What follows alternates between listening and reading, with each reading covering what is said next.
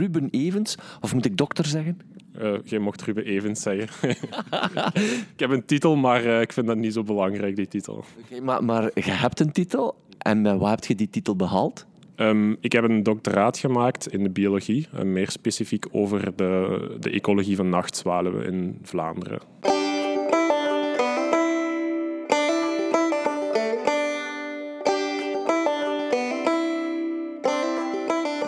Welkom bij een nieuwe aflevering van Feed Feed. Met deze maal, u hoorde het al, Ruben Evens in de hoofdrol. En zijn passie voor nachtzwaluwen kan hij kwijt in zijn onderzoek. En uh, er zal ook een uitgebreide reportage over volgen in de tweede editie van ons vogelmagazine Feed. Jeroen de Nagel ging namelijk met hem s'nachts op pad om nachtzwaluwen te observeren, samen met Eddy Ulenaars, boswachter van de Limburgse streek waar deze prachtvogel voorkomt. En wat staat er nog in de volgende feed? Wel, reportages, interviews en portfolio's over de trek, geschreven door mensen als Dirk Drouwlands en, ja, deze is nieuw, maar niet onbekend, Hans van Dijk. We gaan ook een verslag krijgen over de kwetsal, een vogel die het symbool is voor Guatemala, geschreven door Tom Peters, die ter plekke was. En verder een prachtig essay geschreven door Tim de Winter over de zwartkop. Uh, er staat weer zo'n prachtig stukje proza op u te wachten uh, van Matthias de Klerk over een, um, een, een vogeltrekkershut hier in Vlaanderen. Ik mag er nog niet te veel over vertellen. Ik zelf heb wat opsporingswerk gedaan rond de zang van de bosrietzanger. Jeroen duikt in zijn vogelhut en diept prachtige vogelverhalen op. We hebben een interview met Freek de Jonge over zijn rol in de film De Vogelwachter. Ik ben in Friesland geweest om op bezoek te gaan bij vogeltrek-ecoloog Teunis Piersma. Ja, er volgde heel wat lekkers in dat tweede nummer. Bestel het dus nu maar, de tweede editie van Feed met als hoofdthema de track. Bestel hem op www.feed.be. Het gaat snel, dat moet ik er wel bij zeggen. Dus zorg dat u erbij bent en bestelt, want in november kan dan dit prachtblad op uw deurmat ploffen. En als de mensen editie 1 hebben, weten die waarom ik ploffen zeg. Want het is natuurlijk 144 bladzijden dik met een mooi groot formaat en kwaliteitspapier. Je kan ons ook, en ons is Jeroen de Nagel en mijzelf, maar dan voornamelijk Vogelmagazine Fruit, volgen op de sociale media voor kerstvers nieuws. Maar nu eerst Ruben over de nachtzwaluw, maar vooral ook over de raaf. Twee meer dan schitterende dieren die al eeuwen, hè, ik denk dat ik mij zeker niet mispreek als ik dat zeg, echt wel eeuwen mensen intrigeren. Ik zou zeggen, geniet, lieve mensen. Geniet van een stukje slow radio.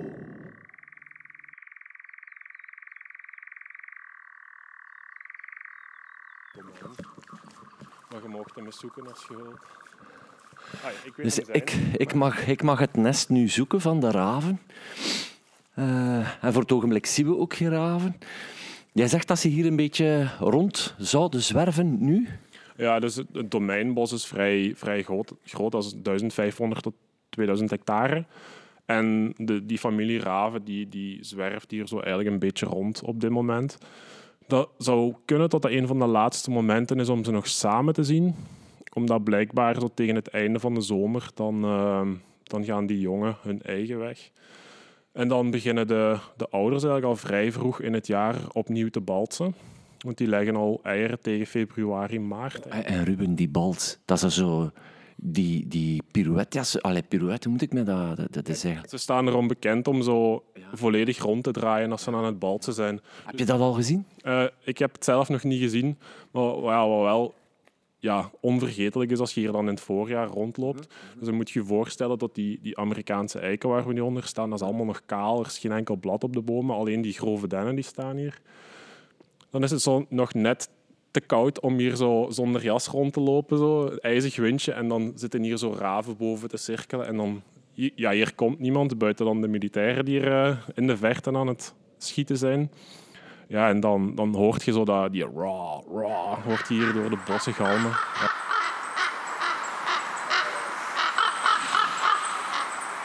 Dat is echt ja, ik krijg er nu nog... Ah, dat is geweldig, een geweldig beest is dat. Onwaarschijnlijk, ja. En, en jij ziet het nest nu al? Uh, ik weet de boom staan waar het nest in zit. Maar dus naar deze boom hebben wij vier jaar gezocht. Ah, ja, ja. Er staat nog magus in hier, uh, denk gewoon 30 meter in het perceel. Dus we zullen eens gaan kijken of er uh, misschien nog iets onder ligt. Ik, ik hoor nu ook... Wat hoor ik nu? Krekels? Ja, hier, hier zitten heel veel veldkrekels en boskrekels, denk ik. Ik weet niet of het bestaat, boskrekels. ik zeg, vanaf nu bestaat dat boskrekels. Um, maar die zitten hier wel vrij veel. Um, hier zitten, zijn dat dan die boskrekels, denk ik. En op de, op de heide zijn dat echt die, die, die grotere ja, ja. boskrekels. Oké, okay, we gaan eens kijken naar de nest. Ja, veldkrekels bedoelde Ruben. Ja.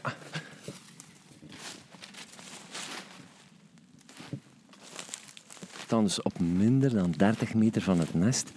En ik denk dat Ruben eigenlijk wil bewijzen hoe moeilijk het is om zo'n ravennest te vinden, ondanks het feit dat dat toch wel enorme vogels zijn.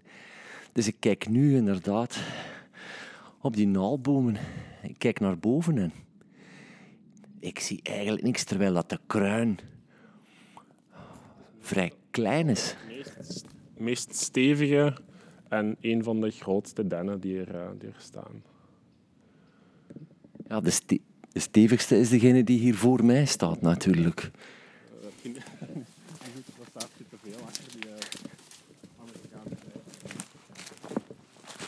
Alright, oké, oké, oké. Hier, hier is Ja, dat is, uh, dat is een pak steviger, ja.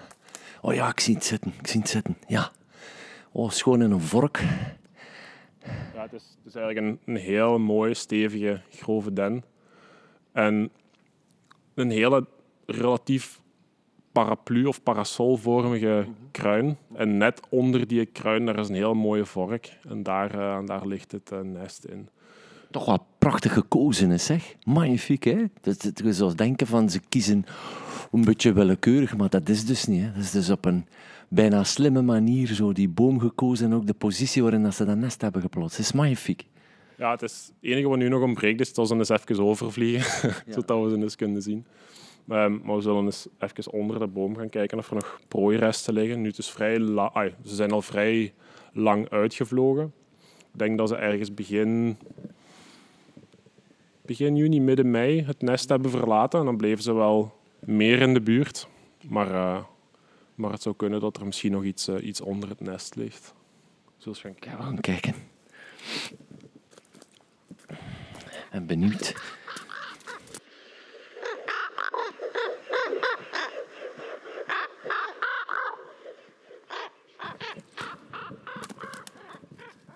Oh, kijk nu. Een stukje, een stukje veer van een raaf. Dat is uh, een aandenken. Ik ga hem bijhouden, dank u. Ja, het enige wat we zo... Ah, er zaten vijf jongen op het nest. En we hebben er daar dus die vijf geringd. En eentje was zo een beetje een nakomer. Die was duidelijk de kleinste van de hoop. Dus van die verwachten we dat hem eventueel niet gehaald zou hebben.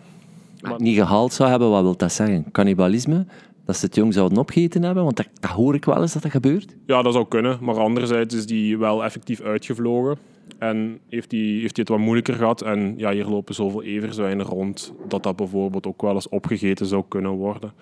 Um, anderzijds kan ook gewoon een natuurlijke dood sterven en dan vind je daar nooit niks meer van terug. Behalve dan, ah, ik, ik heb misschien wel een sterk vermoeden dat hij het toch niet gehaald heeft. Want als je hier kijkt, ja. Ja, ja, hier liggen... Ja, ja, ja, hier liggen tal van pluimen. Ja, dus dat zie ik nu ook pas. Dus hier liggen nog... Um, hier liggen een aantal veren die nog, uh, nog helemaal in de schacht zitten. Ah, ja, of, of voor de helft in de schacht zitten. Dus wat ik, daarnet, wat ik daarnet zei, is, wordt wel redelijk goed bevestigd, denk ik. Dat het, uh, dat het kleinste jong, denk ik, het niet gehaald heeft. Dus je ziet hier inderdaad nog, nog wat pluimen liggen. Daarnet die veer die ik aan u gaf, daar, daar zag je al dat die zo... Dat dat, afgebeten Ja, dat dat maar een halve veer was. Dus het zou wel kunnen dat, uh, dat die toch gepredeerd is door iets. Anderzijds, hier zitten ook, uh, hier zitten ook oehoes bijvoorbeeld in de buurt. Dus dat zou goed kunnen dat, um, dat een van die jongen ook slachtoffer is geworden van een oehoe. Ik weet niet als Havik dat eventueel zou aandurven om een, van, een zwakker jong bijvoorbeeld van het nest te plukken. Zou kunnen. Mijn, mijn eh, non-academische opleiding zegt ja. Ah, dat is goed. Dan zeg ik ook ja. Toch ongelooflijke karakterbeesten, Haviken. Ja, dat is, dat is, dat is ongelooflijk. We hebben hier eh, een aantal koppels hier, eh, die hier zitten. En dat is ook het leuke. Dus in het voorjaar, als je hier dan rondloopt, dan, dan hoort je niet alleen die raven die hier bijvoorbeeld een territorium aan het eh, afbakenen zijn, maar dan begint je ook de haviken te, te horen die hier zo in het bos aan het fluiten zijn. Dus die, vanaf dat je dan zo in de buurt komt, beginnen die zo, ja, ik noem dat fluiten, maar dat is zo een monotoon geluid te produceren. En dat is wel, eh, dat is wel leuk om hier dan eh, te rond te lopen. Ik heb mij laten wijsmaken dat ze zelfs eh, behoorlijk wat kunnen lopen, Haviken. Dan zou dat kunnen. Nee, ik, ik weet dat van eh, Ben Cox, die heeft me dat ooit Ah, ja, gezegd, ja, ja. dat het toch wel hele koppige beesten zijn die effectief in het bos jagen, mm, maar eenmaal ze daar niet meer in slagen, als ze effectief hun eh, tocht verder zetten, eh, hun achtervolging inzetten, dan lopende. Dus eh, wat dat betreft... Ja, het chique dingen die ik daar ooit van heb gezien, maar dat zijn dan zo anekdotische foto's die je ziet, is dat die zo eenden aan het verdrinken zijn of zo. En dan echt nog zo in de lens kijken van, kijk maar wat ik aan het doen ben. ik kan dit. Ja, ja, maar dit is anekdotisch, lieve mensen. Maar goed, wij houden wel van anekdotes. Eh, Ruben is nu de veren aan het verzamelen. Het zijn er een, eh, toch al een pak. En eens eventjes kijken. Ja, ja, ze zijn ook wel afgebeten hier, precies. Ja, Maar Hier is er nog één. Wa- wat ik denk dat hier gebeurd is, maar dat is gewoon puur eh, speculatie, is dat het, het, die kleinste jong misschien uit het nest gegooid is geweest, omdat dat het waarschijnlijk toch niet ging halen. Dat was ook inderdaad een van de kleinere jongen. Ehm, en dat hij dan bijvoorbeeld een prooi is gevallen aan een marterachtige of een vos of zo dergelijke. Want je ziet, ja, die, de, de schachtjes zijn ehm, op het einde mooi afgebeten. Dus eh, Ja, toch wel fascinerend eigenlijk, hè, wat we hier eh, nu aantreffen. Zeg maar, jij, jij sprak daar juist over het feit dat raven aaseters waren. Ik weet niet of dat je dat verhaal hebt afgemaakt rond voedingspatroon of dieet van raven.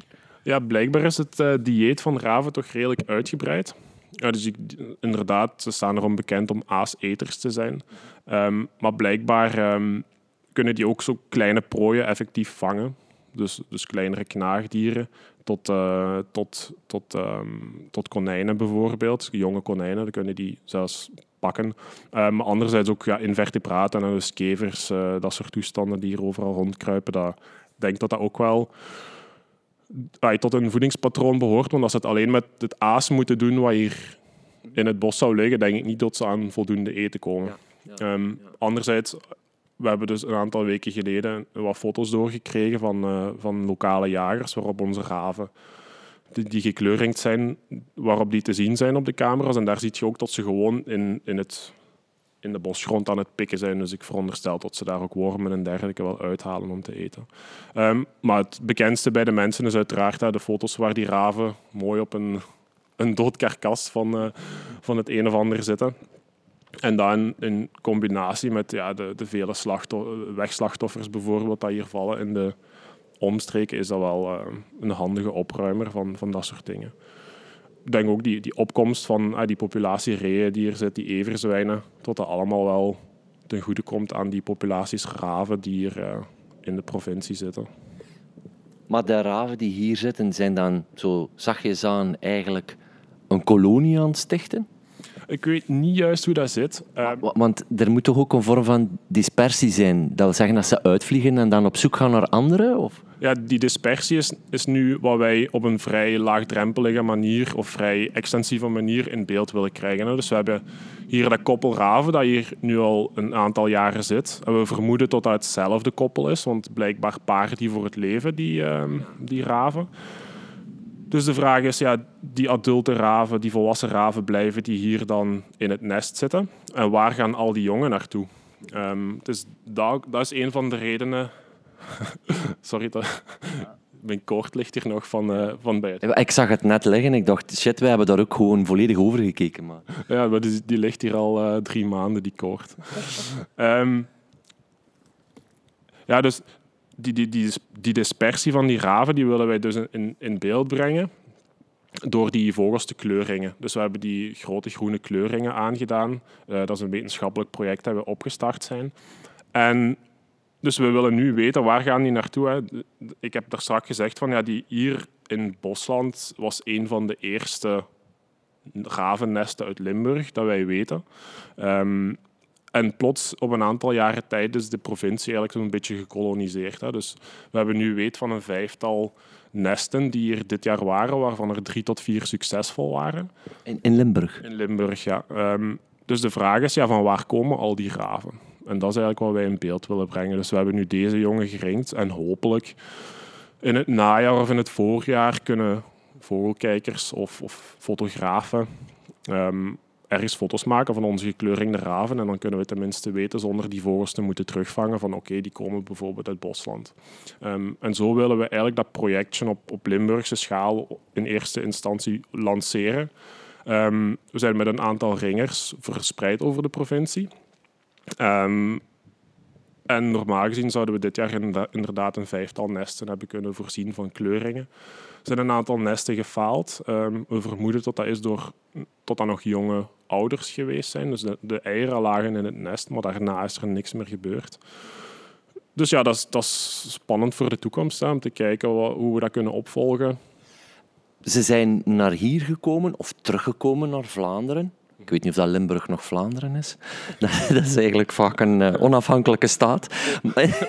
over, een, over een vijftigtal jaar dan, uh, zijn wij bijgebeend en dan horen we bij maar, Vlaanderen. Maar ze zijn hier niet gearriveerd door een kweekprogramma zoals de Oehoe in de tijd in Duitsland, die dan naar hier gekomen is? Nee, dus um, de, de raven die hier voorkomen, die, die zijn volledig op natuurlijke wijze naar hier gekomen. Dat is wel chic. Ja, dat is wel leuk, want het zijn ook een van de eerste... Sorry, even een mug van uw voorhoofd. Uh, dank je uh, voor mijn... ook op de styling te letten. dus die, die raven hier, dat zijn, dat zijn natuurlijke raven, als ik het zo mag noemen. En het leuke is dat, dat het ook een van de eerste natuurlijke raven zijn die in Vlaanderen gerenkt worden, die opgevolgd worden. Er zijn een aantal denk, uitzet, uitzettingsprojecten geweest in de jaren 80, 70. Um, waarbij er wel een aantal raven zijn uitgezet in Vlaanderen, blijkbaar. Maar um, wat daar het succes van is, dat, dat, dat weet ik niet. Alleszins niet groot, want de raven zijn nu pas sinds een aantal jaren teruggekomen. Ik, uh, ik was naar aanleiding van dit gesprek begonnen in het boek van Louis Bijens. De Raaf. Ken je, ken je Louis Bijs? Nee, ik ken Louis helaas helemaal niet. Nee, Louis Bijs heeft dus een, een, soort monografietje geschreven over de Raaf. Het is een professor uit uh, Antwerpen die ook uh, onderzoek doet in Groenland op eencelligen en zo. Dus hij, hij, hij, is gefascineerd door de raaf. Een van de dingen die daar ook in staan is bijvoorbeeld de communicatie tussen die beesten. Um, ik kreeg uh, nog oh, niet zo lang geleden uh, geluidsopnames van iemand, uh, ook s'nachts. Dat was constant tegen elkaar. Heb je daar al iets van gemerkt? Um, ja en nee. Um, ja, omdat wij in, het, met, in de academische wereld of in het onderzoek dat wij aan het doen zijn, redelijk hard bezig zijn met gedrag van vogels te bestuderen in respons tot de maancyclus. Dus we, we bekijken bijvoorbeeld hoe vogels, in nachtzwaluwen dan in, in, in het specifieke, um, of die actiever zijn bijvoorbeeld in perioden wanneer het volle maan is of, uh, of uh, nieuwe maan, dus wanneer het volledig donker is s'nachts. En daarin zien we eigenlijk dat, um, dus dat die nachtzwaluwen heel actief zijn wanneer er maanlicht is. Maar dat is niet alleen nachtzwaluwen uiteraard. Er zijn een heleboel studies die aantonen dat bijvoorbeeld ook in het Amazonewoud, zelfs als daar tot het volle maan is, tot daar al die soorten plots ook nachtactief beginnen worden. Dus dagactieve soorten, die beginnen dan eigenlijk s'nachts te roepen, te zingen, met elkaar te communiceren. En in functie van, of met dat in het achterhoofd, merken wij hier ook bijvoorbeeld, als we hier rondlopen wanneer het volle maan is, dan zijn hier boomleeuweriken aan het zingen, dan hoort je die raven af en toe eens met elkaar roepen dan hoort je zelfs soms spechten met elkaar communiceren. Dus als in, in dat opzicht is het wel, wel leuk om dat te onderzoeken, hoe die, die vogels ook, uh, als het lichter is, s'nachts eigenlijk met elkaar uh, zouden communiceren. Dus, dus ik vind het leuk hè, dat die opnames zijn, bijvoorbeeld die, wat je net zei, dat er raven of kraaien met elkaar aan het communiceren zijn s'nachts. Maar het verwondert mij langs de andere kant niet, want er zijn een heleboel dagactieve soorten die dan s'nachts inderdaad met elkaar uh, beginnen communiceren. Ik vind dat wel, en ik zal het op mijn Waaslands uitdrukken, ik vind dat wel grellig dat dat gebeurt. Langs de andere kant lijkt het mij ook bijna logisch dat het uh, gebeurt, dat, dat, dat iets activeert. Ja, dus ja, het is inderdaad gewoon het is logisch. Hè. Het, is een, het is een periode van de nacht wanneer dieren meer actief kunnen zijn dan dat ze onder donkere omstandigheden kunnen zijn. Dus als je opportunistisch bent of je wilt het meeste maken van je leven, dan lijkt het mij logisch om die momenten aan te grijpen om te communiceren bijvoorbeeld. Er zijn ook bijvoorbeeld een aantal studies die aantonen dat haviken bijvoorbeeld, om terug te komen op de havik, dat die s'nachts bijvoorbeeld in steden gaan jagen, omdat daar zoveel straatlichten zijn bijvoorbeeld. Dus die, die haviken die, die passen op, op een bepaalde manier hun leven aan om ook opportuniteiten s'nachts te gaan te gaan gebruiken. Ja, toch geweldig interessant. Hè? Dat is, eh, en, en het onderzoek is vanuit de Universiteit Hasselt? Um, onderzoek van de raven. Dat wordt gecoördineerd inderdaad vanuit de Universiteit Hasselt. Samen met um, de, de ringwerkgroep van uh, Noord-Limburg en het agentschap Natuur en Bos. Dus eigenlijk samen met het agentschap Natuur en Bos dat wij hier heel veel uh, zaken kunnen en mogen realiseren. Oké. Okay. Ah, hier vliegen ze, hier. Oh, yes, ja, ja, ja. ja. Ah ja, ja. Hier is er eentje en daar komt er nog een. Kijk, die is aan het ruien, ziet je? Die is zijn armpen aan het ruien. Oh, zalig. Ik krijg er echt kiekenvel van. Magnifiek. Ja, en ze krassen nog eens terwijl dat ze weggaan. Fantastisch. Oh, ja. Twee rapen. Misschien was het koppel wel, hè? Uh, ja, dat zou goed kunnen. Ik had eerst de indruk dat het de, eh, de eerste vogel een volwassen vogel was. En de tweede misschien een van de jongen die nu aan het ruien zou kunnen zijn. Um, maar ja, we hebben geen verrekijker bij, dus we hebben de kleuring niet. En je kent uw, je kent uw ruisstrategie niet? En, uh, ik ken de ruisstrategie van nachtzwaluwen supergoed. Dit is een grapje, hè, Ruben? dit is een grapje. Ja, maar dat kan ik er wel bij nemen. Dit is geweldig, dit is geweldig. Ja, dit, dit maakt het plaatje wel volledig compleet. Fantastisch. Ook dat geluid, hè, dat geluid. Mijn kinderen kennen dat geluid ook. Dus als wij in Zuid-Frankrijk zitten of ze die komen over zij imiteren dat al, hè. ze doen al. Ja, een van de, ja, dat is eigenlijk een zalig geluid.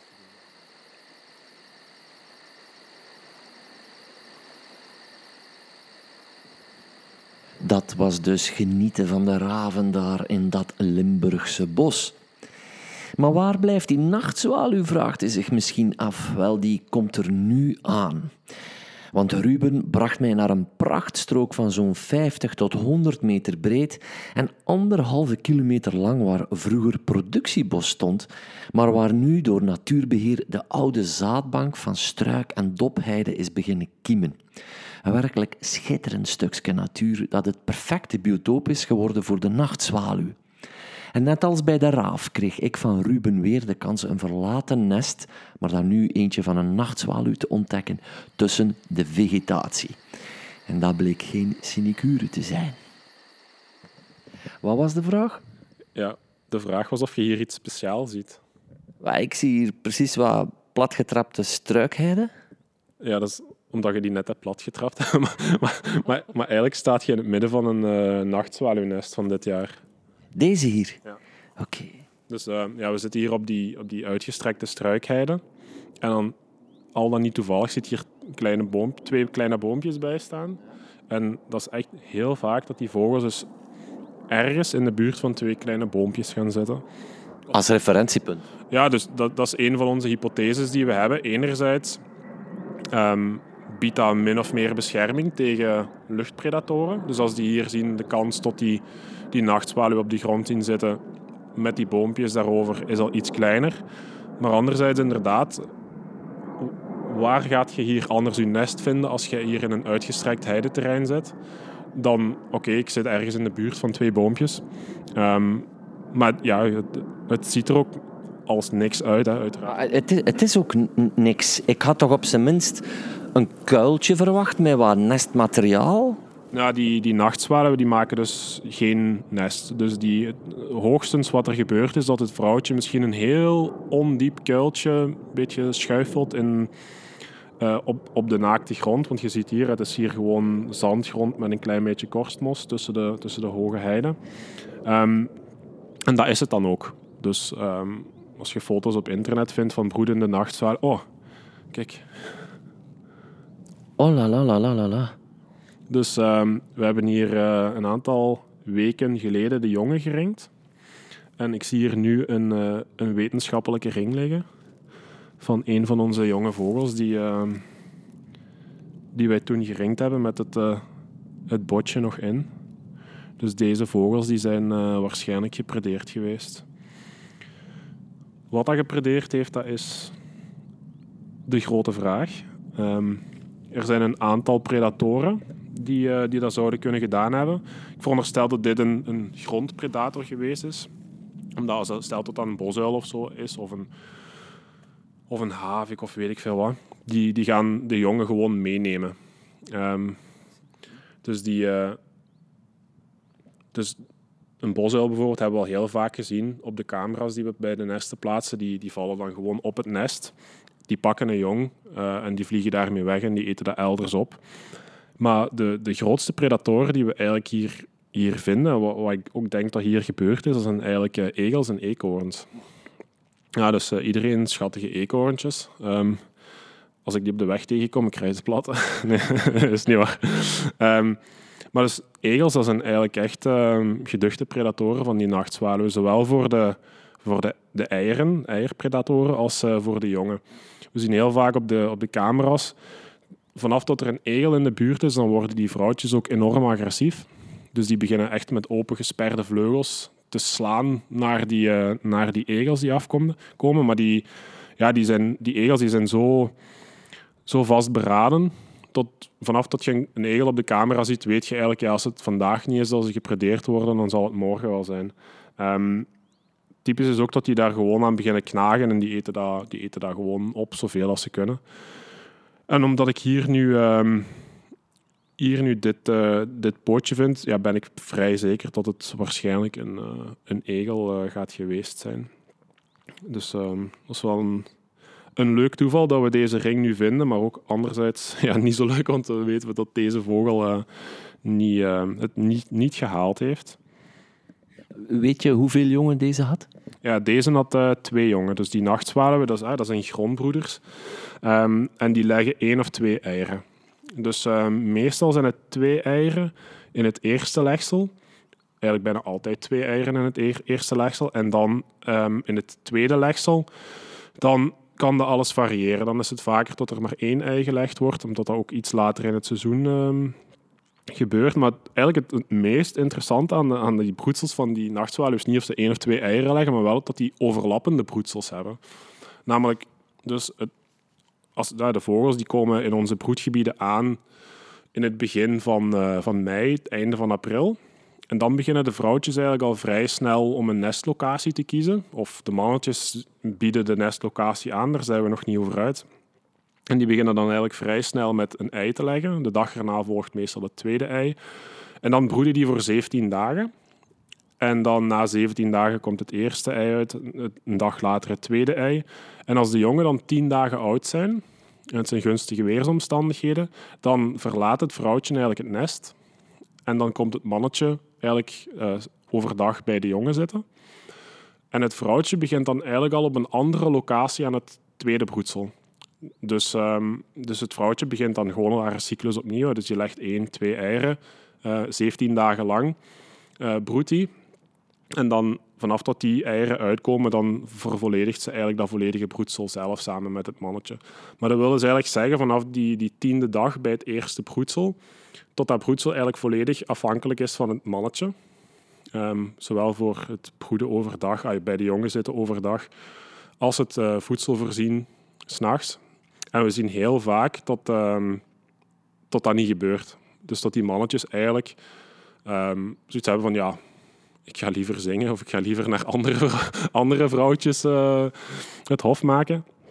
En dat die jongen dan eigenlijk eh, alleen blijven. En het, het gebeurt regelmatig dat dus na die tien dagen die jongen nog wel een paar dagen meegaan, maar dan overdag beginnen die plots alleen te liggen. Ehm, en dan gebeurt het vrij vaak dat die gepredeerd worden door, dagpredatoren of, uh, of s'nachts door, door nachtpredatoren. Want vanaf dat die jongen honger beginnen krijgen, dan beginnen die heel zachtjes te piepen. Naarmate die meer honger krijgen, beginnen die harder te piepen, uiteraard.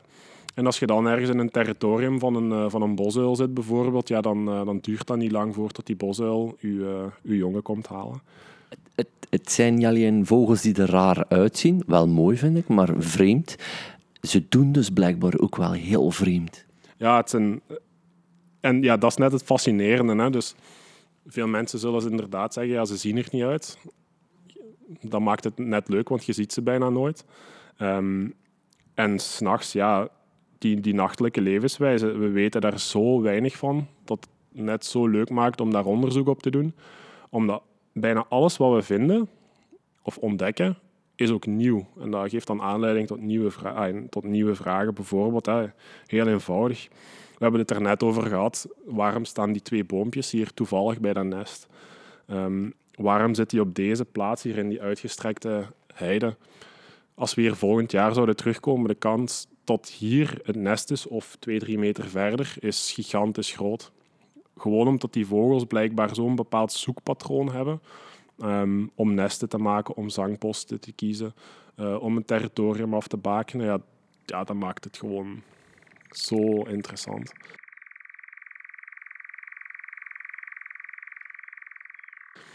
Het, bijvoorbeeld die zangposten, het leuke daar is, het mannetje dat hier nu in, op deze plaats zit waar we nu staan, die volgen we al sinds uh, ongeveer 2012 of 2013. Dus dat is elk jaar hetzelfde mannetje. En elk jaar legt hij hier in de buurt legt hij een, of, ja, legt hij zelf geen eieren, maar uh, heeft hij een, uh, een vrouwtje dat eieren legt. En die zit ook al al die jaren op dezelfde locatie te zingen. Dus deze vogel heeft vier tot vijf zangposten en dat is elk jaar dezelfde tak in dezelfde boom. De slaapplaats is ieder jaar exact dezelfde locatie. Dus dat is echt, ja, dat is maf. Maar het straffe is dat we dan ontdekt hebben dat er ook copycats zijn. Dus op momenten dat deze vogel bijvoorbeeld voedsel gaat zoeken, dat wil zeggen dat hij een aantal kilometer ver van de heide vliegt om in graslanden eten te gaan zoeken, dus nachtactieve insecten, dan komen er andere mannetjes op diezelfde tak zingen als waar onze territoriale vogel zingt. Dus die, die kopiëren eigenlijk het gedrag van die, van die territoriale vogel. Is dat om te leren van andere vogels of is dat net om een kans te maken bij het vrouwtje of niet? Een soort indringer. Ja, dat een, dat een indringers. Hè. En en, en dat maakt het ook heel moeilijk om de populaties in te schatten, bijvoorbeeld. Stel dat wij. Ja, er zijn twee zaken die meespelen. Enerzijds het aantal zangposten dat één mannetje heeft. En anderzijds die copycats. Dus in het eerste geval het aantal zangposten dat een mannetje heeft. Er wordt heel vaak gedacht, ah, één zangpost is bijvoorbeeld één territorium. Maar deze vogel heeft bijvoorbeeld vier tot vijf zangposten. Die verspreid zijn over een aantal hectare. Dus dat maakt het heel moeilijk om in te schatten hoeveel vogels er op welk moment in een gebied zitten. Anderzijds zijn er dus die copycats. Als wij hier in, in die strook van anderhalve kilometer zijn drie tot vier territoria, zoals ik daar straks zei. Maar als we hier een seizoen zouden vangen, dan kunnen we hier misschien makkelijk twintig mannetjes vangen. Dus er is een overaanbod aan mannetjes waarschijnlijk, dat die ook nog eens overal in Limburg, in Vlaanderen en in Nederland gaan zingen dat we eigenlijk heel moeilijk een beeld krijgen van wat er juist aan de hand is en, en wie waar overal zit. We hebben hier bijvoorbeeld een mannetje dat hier vorig jaar uh, hiernaast een territorium had. En s'nachts vloog die plots uh, vijf, zes kilometer verder, om dan in de Lommelse Sahara ook te gaan zingen s'nachts. Dus... Dat is toch maf. Je zou denken dat ze vrij plaatsgebonden zijn. Maar... En jullie merken dat allemaal via zendermateriaal? Ja, dus, dus wat we hier doen met de vogels is eigenlijk radiozenders um, combineren met GPS-loggers en acceleratiemeters. Um, dat is misschien wel wat technisch, maar eigenlijk is het heel eenvoudig. Met een radiozender kunnen we met een, een, een bakje horen waar het piept, waar de vogel aanwezig is. Een GPS-logger die werkt eigenlijk hetzelfde als een GPS van een auto. Dus die neemt GPS-coördinaten om te weten waar de vogel in ons geval op welk moment is. En een acceleratiemeter die meet eigenlijk de, versnelling van je lichaam. In je gsm zitten bijvoorbeeld ook acceleratiemeters. Want als jij uw gsm omdraait, dan springt uw schermpje aan bijvoorbeeld. Dus dat zijn eigenlijk toestelletjes die gewoon draaiing bijvoorbeeld of acceleratie, versnelling van het lichaam meten. Dus met die technologieën weten wij bijvoorbeeld, A, bijvoorbeeld nachtzwaluw A, die zit momenteel hier in zijn territorium en die is aan het zingen, want als nachtzwaluwen zingen, dat is zo'n hele zware ratel. Jullie kennen dat wel. Die zware ratel die zorgt er eigenlijk voor dat het lichaam begint te vibreren op een moment dat die vogel stil zit. Dus wij weten, ah oké, die vogel zit, GPS-coördinaten die blijven op dezelfde locatie, maar het lichaam is aan het vibreren. Dus we weten, oké, die is nu aan het zingen. En als die vogel A, die hier dus in het territorium hiernaast zit, plots uh, vijf kilometer verder naar Lommelse Sahara vliegt, die gaat daar weer op een bepaalde locatie zitten en het lichaam begint te vibreren. En dan weten wij, oké, die is daar op dit moment weer aan het zingen.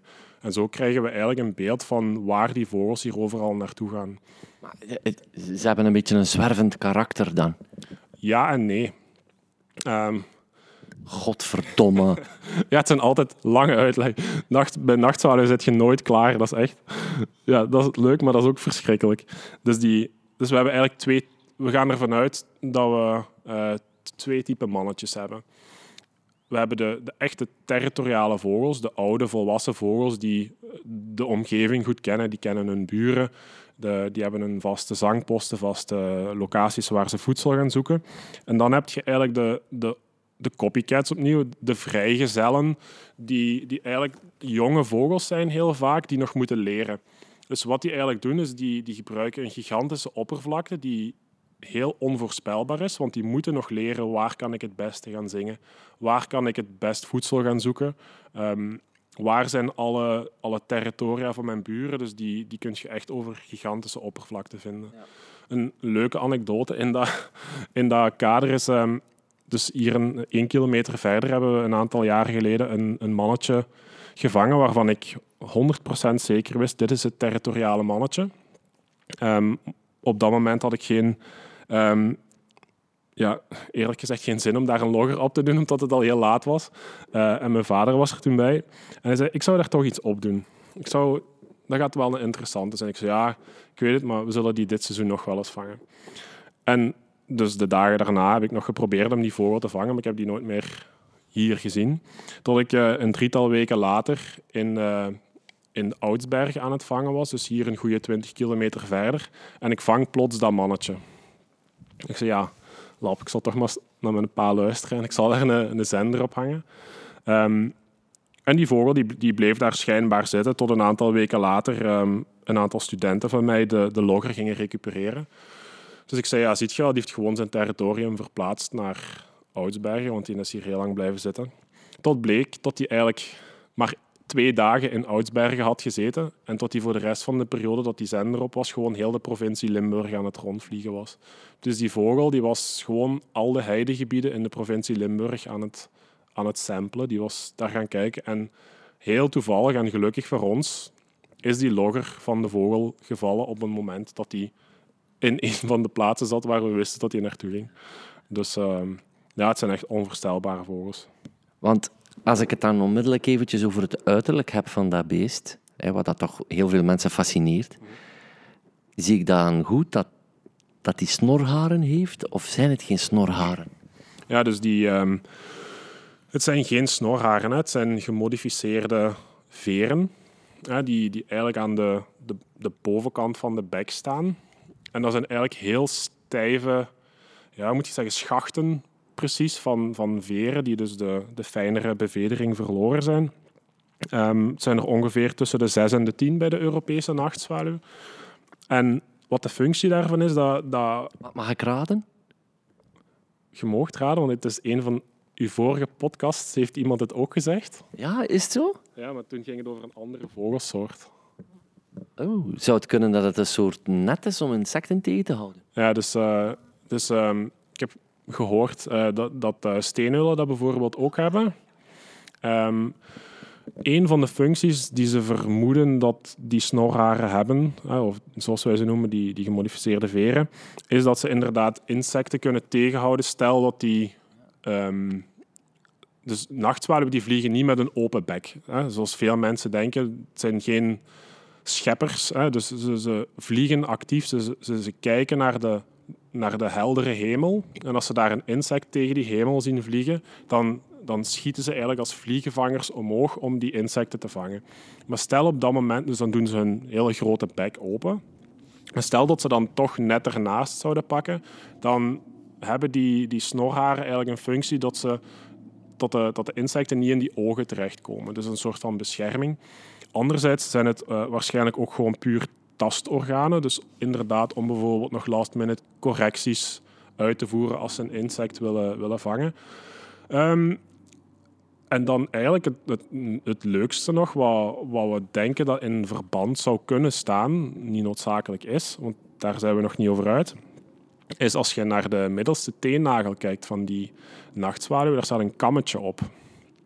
Dus een van de hypotheses is dat dat kammetje op die teennagel zou kunnen dienen om die snorharen zuiver te maken.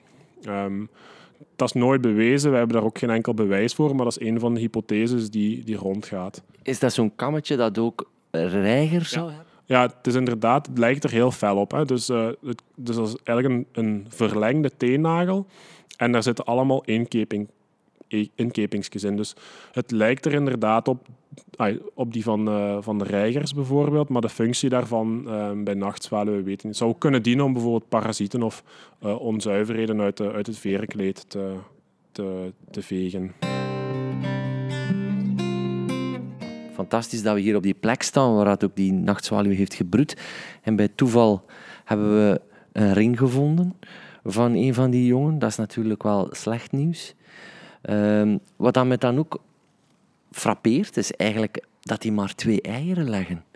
Ja, dat is, um, dat is, een, dat is, een, dat is een bewuste strategie waarschijnlijk. Hè. Dus die, als we kijken naar die, naar die... Of ja, het zal evolutionair zo uh, ontworpen zijn, als ik het zo mag noemen.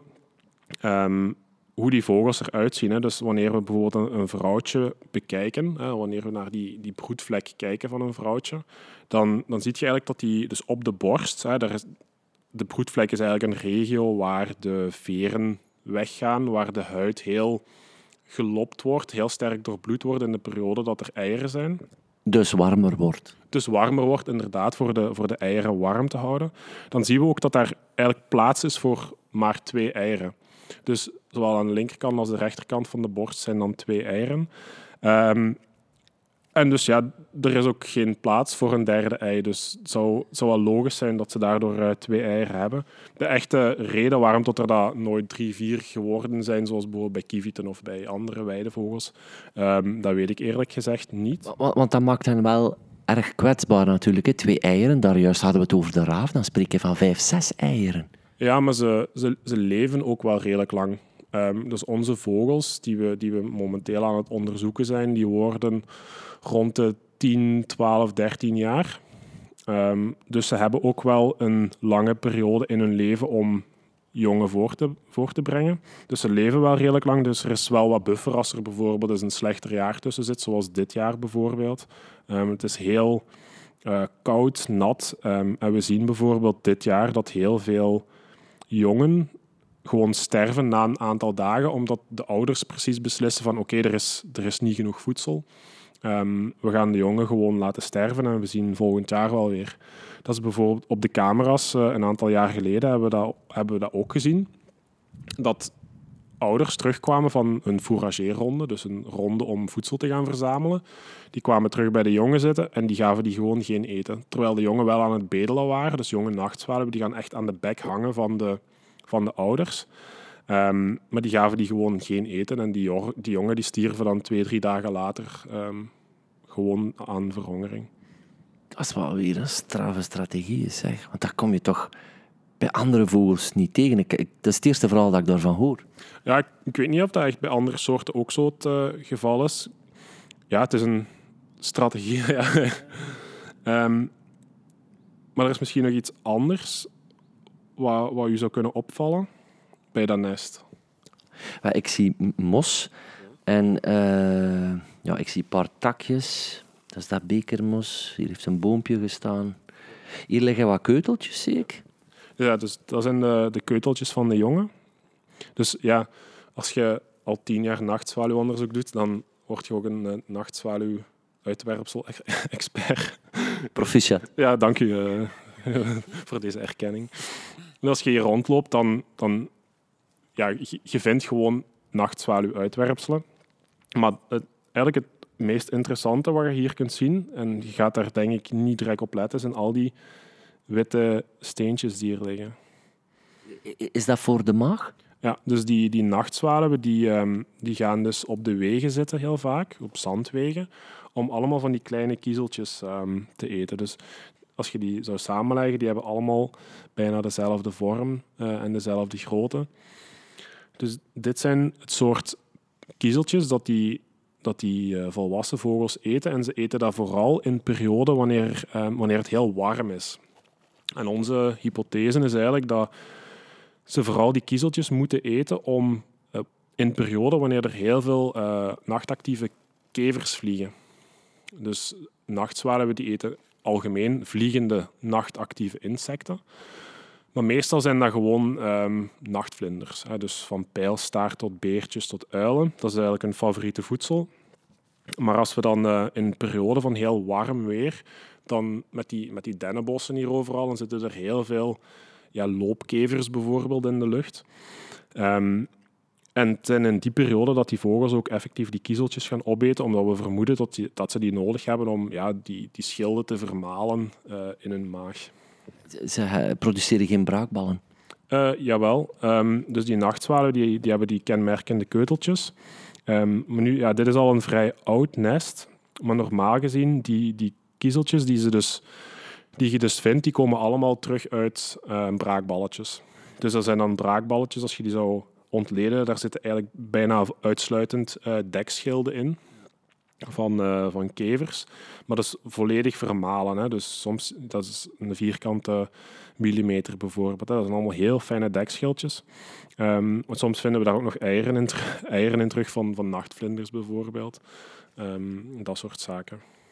Dat is bijzonder fascinerend, want nu dat je het gezegd hebt, zie ik steeds meer van die kleine steentjes opduiken. Onwaarschijnlijk, ja. Dat is een van de makkelijkste manieren om een nachtzwaluwnest te vinden. Is zoeken naar hoopjes, kiezeltjes eh, en uitwerpselen.